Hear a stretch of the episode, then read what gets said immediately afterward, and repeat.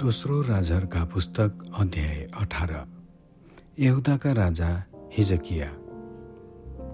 इजरायलका राजा एलाहका छोरा होसियाको तेस्रो वर्षमा यहुदाका राजा आहाजका छोरा हिजकियाले राज्य गर्न लागे। जब तिनी राजा भए तब तिनी पच्चिस वर्षका थिए र तिनले एरुसलेममा उन्तिस वर्ष राज्य गरे। तिनकी आमाको नाउँ जकरियाकी छोरी अबिया थियो। आफ्ना पुर्खा दाउदले गरे चाहिँ तिनले परमप्रभुको दृष्टिमा जे कुरो असल थियो त्यही गरे। तिनले अग्ला अग्ला ठाउँहरूलाई हटाइदिए चोखा ढुङ्गाहरू भत्काइदिए र असेराका खम्बाहरू ढालिदिए। मोसाले बनाएको काँसाको सापलाई तिनले टुक्रा टुक्रा पारिदिए किनकि त्यस बेलासम्म इजरायलीहरूले त्यसको निम्ति धुप बालेका थिए। तिनीहरूले त्यसलाई नौस्थान भन्थे। हिजकियाले परमप्रभु इजरायलका परमेश्वरमाथि भरोसा राख्थे।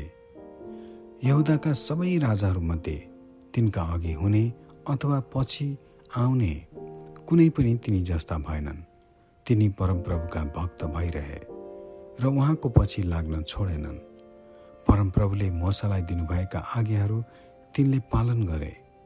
अनि परमप्रभु तिनीसँग रहनुहुन्थ्यो। तिनले गरेका सबै काममा तिनी सफल भए।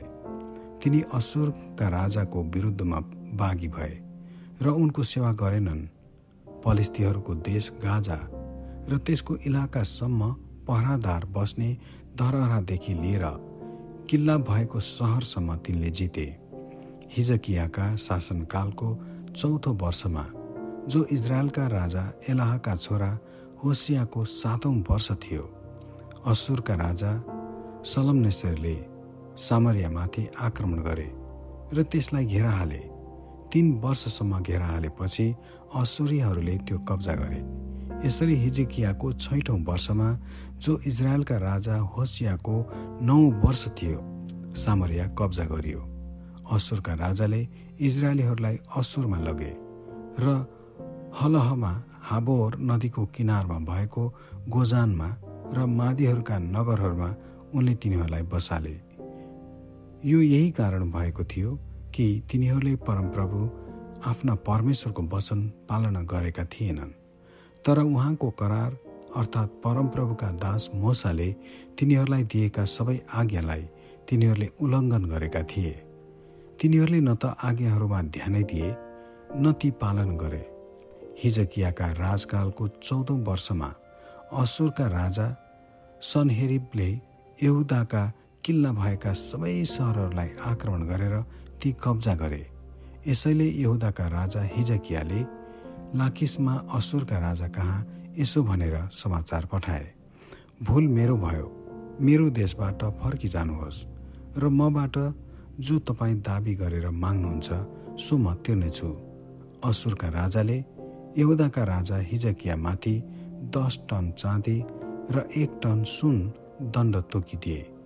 यसैले हिजेकियाले परमप्रभुको मन्दिरमा र राजमहलका भण्डारहरूमा भेटाएका सबै चाँदी उनलाई दिए। त्यसबेला यहुदाका राजा हिजकियाले परमप्रभुको मन्दिरका ढोकाहरू र ढोकाका खाँबाहरू जो तिनी आफैले सुनले मोहरेका थिए तीबाट सुन निकालेर असुरका राजालाई दिए। सनहेरिबले एरुसलेम लिने धम्की दिएका।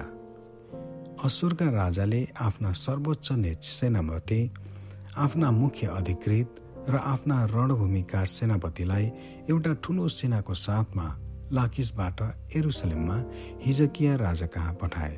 उनीहरू उक्लेर एरुसलेममा आए र धोबीको खेतमा जाने माथिल्लो पोखरीको कुलो बाटोमा अडिए। उनीहरूले राजा बोलाइ पठाए।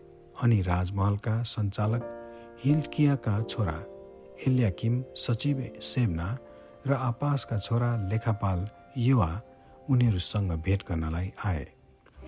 रणभूमिका सेनापतिले तिनीहरूलाई भने हिजकियालाई भन असुरका महाराजा यसो भन्नुहुन्छ तिमीहरू केमा भर परेर भरोसा गर्छौ? तिमीसित युद्ध कला र सैनिक बल छन् भनी तिमी भन्छौ तर तिमी त हावाको कुरा मात्र बोल्दछौ।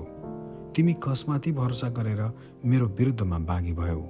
अब हेर तिमी मिश्र देशमाथि भरोसा गर्दछौ।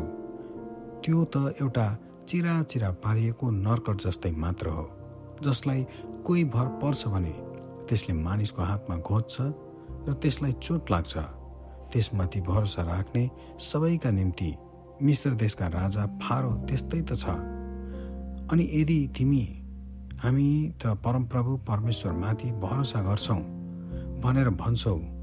भने के त्यो त्यही होइन जसका अग्ला अग्ला ठाउँहरू र वेदीहरूलाई हिजकियाले हटाउन् हटाएर यहुदा र एरुसेलमलाई यसो भनेका थिए? तिमीहरूले एरुसेलेममा भएको यस वेदीको सामुन्य उपासना गर्नुपर्छ। अब मेरा मालिक असुरका राजासँग सौदा गर्नुहोस्। यदि सवार गर्नेहरू पाउन सक्नुहुन्छ भने म तपाईँलाई दुई हजार घोडाहरू दिनेछु। मेरा मालिकका अधिकारीहरू मध्येका सबैभन्दा साना अधिकृतलाई पनि तपाईँ कसरी पछि हटाउन सक्नुहुन्छ र यद्यपि तपाईँ रथहरू र घोडचरीहरूका निम्ति मिश्र देशमाथि भरोसा गर्नुहुन्छ अरू कुरा के परमप्रभुको वचन बिना आक्रमण गर्न र यस देशलाई नाश गर्न म आएको हुँ? परमप्रभु आफैले नै मलाई यस देशलाई आक्रमण गरेर त्यसलाई सर्वनाश गर्नु भनी भन्नुभएको छ। तब हिल्कियाका छोरा एल्याकिम सेब्ना योराले ती रणभूमिका सेनापतिलाई भने कृपा गरी तपाईँका दासहरूसित आर्मेक भाषामा बोल्नुहोस् किनभने त्यो भाषा हामी बुझ्छौँ। पर्खालमा भएका मानिसहरूले सुन्ने गरी हिब्रू भाषामा नबोल्नुहोस्। तर सेनापतिले जवाब दिए के तिमीहरूका मालिक र तिमीहरूलाई मात्र यो कुरा भन्न मेरा मालिकले मलाई पठाउनु भएको हो र के पर्खालमा बस्ने यी मानिसहरूलाई पनि होइन र तिमीहरूले जस्तै तिनीहरूले आफ्नै मूल मलमूत्र पखानु पर्नेछ तब ती सेनापति खडा भएर हिब्रू भाषामा कराएर भने महाराजा धिराज असुरका राजाको वचन सुन। राजा यसो भन्नुहुन्छ हिजकियाले तिमीहरूलाई धोका नदेओस्। मेरो हातबाट त्यसले तिमीहरूलाई छुटाउन सक्दैन। परमप्रभुले निश्चय नै हामीहरूलाई छुटकारा दिनुहुनेछ र यो सहर असुरका राजाको हातमा सुम्पिदिने छैन भने तिमीहरूलाई परमप्रभु माथि भरोसा गर्न हिजकियाले खुरन्दार नलगाओस्। किनकि हिजकियाको कुरा नसुन। असुरका राजा यसो भन्नुहुन्छ मसित सन्धि गर र म कहाँ बाहिर निस्किआओ अब तिमीहरू हरेकले आ आफ्नो लहराको फल र नेभाराको फल खानेछौ र आफ्नै कुवाको पानी पिउनेछौ। जबसम्म तिमीहरूलाई अनाज र नयाँ दागमध्ये अन्न र दागबारी भद्राक्षका रुखहरू र मह भएको देश तिमीहरूको आफ्नै देश जस्तो एउटा देशमा म आएर लाने छैन। मृत्युको सट्टा जीवन चुन। हिजकियाको कुरा नसुन। परमप्रभुले हामीहरूलाई बचाउनुहुनेछ भने त्यसले त तिमीहरूलाई धोका दिँदैछ। के कुनै जातिको देवताले आफ्नो देशलाई असुरका राजाको हातबाट बचाउन सकेको छ र हमात र अर्पातका देवताहरू कता गए? सपरपेम हेना इब्बाका देवताहरू खोइ त? के तिनीहरूले सामरियालाई मेरो हातबाट बचाए त? के यी देशहरूका सबै राजाहरूमध्ये कसैले आफ्नो देशलाई मेरो हातबाट बचाउन सकेको छ? परमप्रभु एरुसलेमलाई मेरो हातबाट कसरी बचाउन सक्छ र तर मानिसहरू सबै चुप बसे र जवाफमा केही पनि भनेनन् किनभने राजाले यस्तो हुकुम दिनुभएको थियो। उनलाई जवाफ नदिनु।